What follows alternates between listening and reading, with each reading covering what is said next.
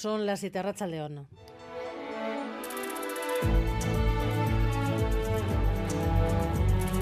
Gambara con Arancha García.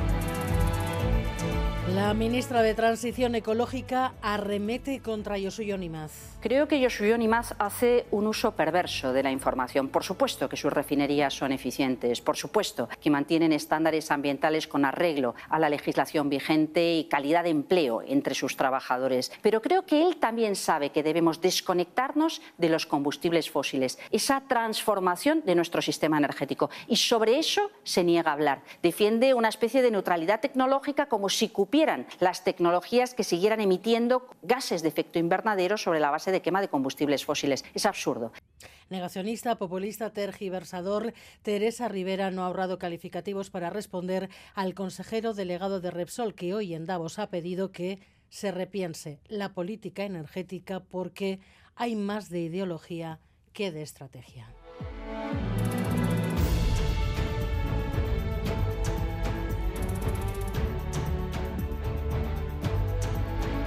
Con amenaza de boicot de Vox, con preocupación por la seguridad de los espectadores que en una hora van a ir al teatro, la representación en Madrid de Alsasu se ha convertido en una nueva pugna por la libertad de expresión. Y Sara Baza está frente al teatro La Abadía Racha León. A Racha León, sí, unas 50 personas cada vez más se concentran a esta hora enfrente de este Teatro Abadía, ataviados con banderas de España, convocados por Vox. La intención de esta concentración es boicotear la obra Alchazu, pero lo cierto es que ya se han agotado todas las entradas para las 10 funciones de la obra aquí en Madrid. La Unión de Actores y Actrices ha mostrado su apoyo a la función, también lo ha hecho el propio teatro y se espera que el secretario de Estado de Cultura se acerque aquí para apoyar la obra. Una docena de personas también se convoca ahora mismo a favor de la obra y en contra de la censura artísticas. Cabe destacar también que hay una gran presencia policial rodeando el teatro. El caso Bateragune quería que ETA siguiera formando parte de la realidad política. Arnaldo Tegui habla de Laufer. Se ha tratado de un caso de Laufer con objetivos políticos claros. Bueno, 15 años después, esta es la historia de un Lofer y es la historia de un fracaso. Quienes intentaron hacer eso han fracasado y nos alegramos profundamente por ello no por lo que nos corresponde en términos personales, sino porque este país es un país mejor. Su abogado ha anunciado que exigirá al Supremo que reconozca el error judicial y asuma la reparación a los cinco condenados irregularmente. Declaraciones de Íñigo Iruín en Crónica de Euskadi, aquí en Radio Euskadi.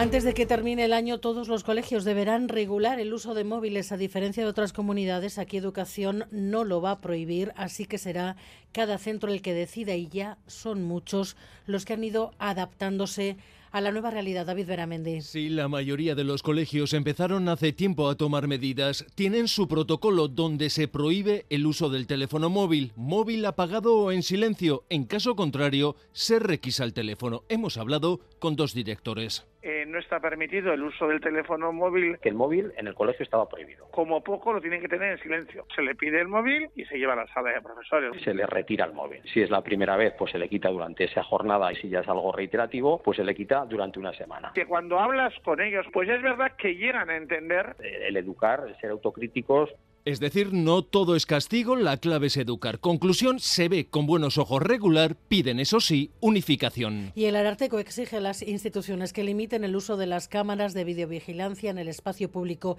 Las calles, dice, no pueden convertirse en un gran hermano permanente. Basauri es uno de los pueblos que destaca en el informe por el exceso de cámaras. Allí está Gary Suárez, Arracha León.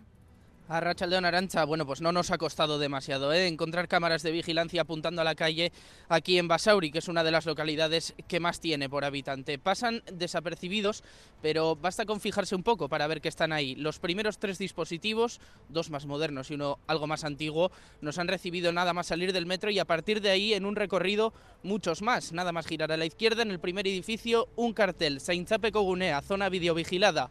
Cruzamos la carretera y un cartel idéntico en el bloque de enfrente. Avanzamos unos metros y hay una cámara en la acera puesta por una sucursal bancaria y así sucesivamente. Hasta los propios basauritarras se sorprenden al fijarse. Escuchen.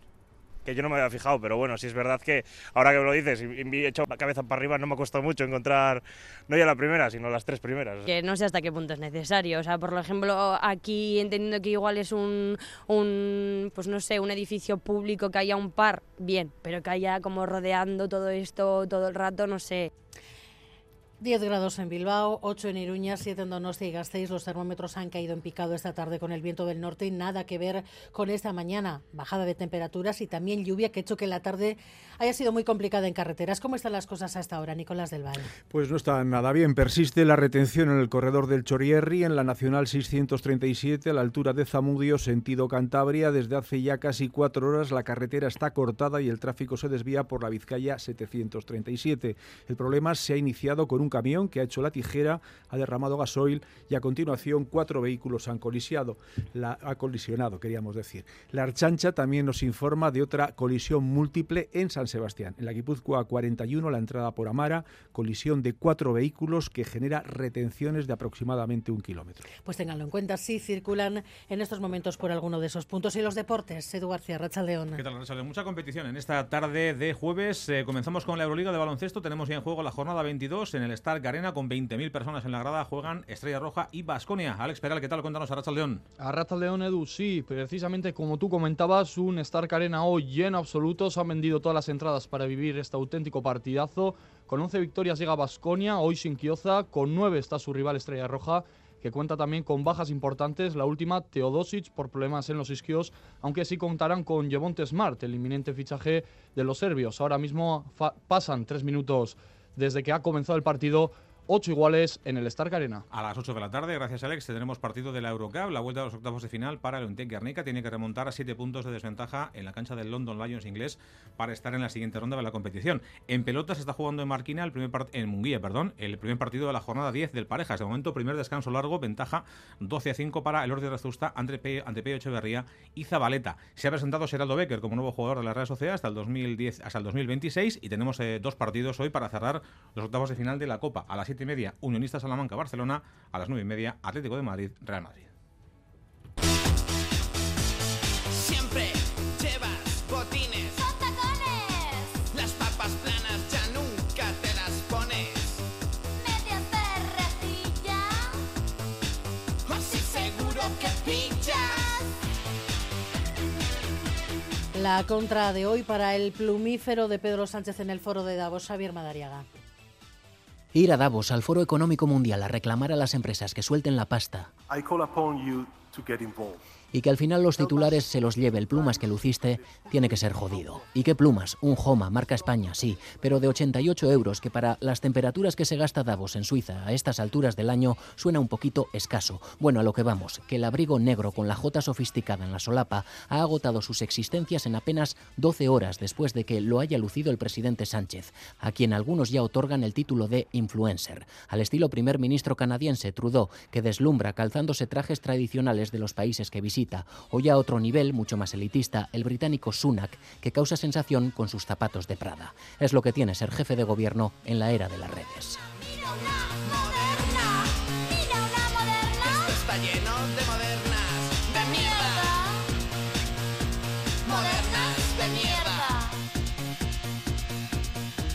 Miguel Ortiz y Alberto Sebeliá están en la dirección técnica, Cristina Vázquez en la producción.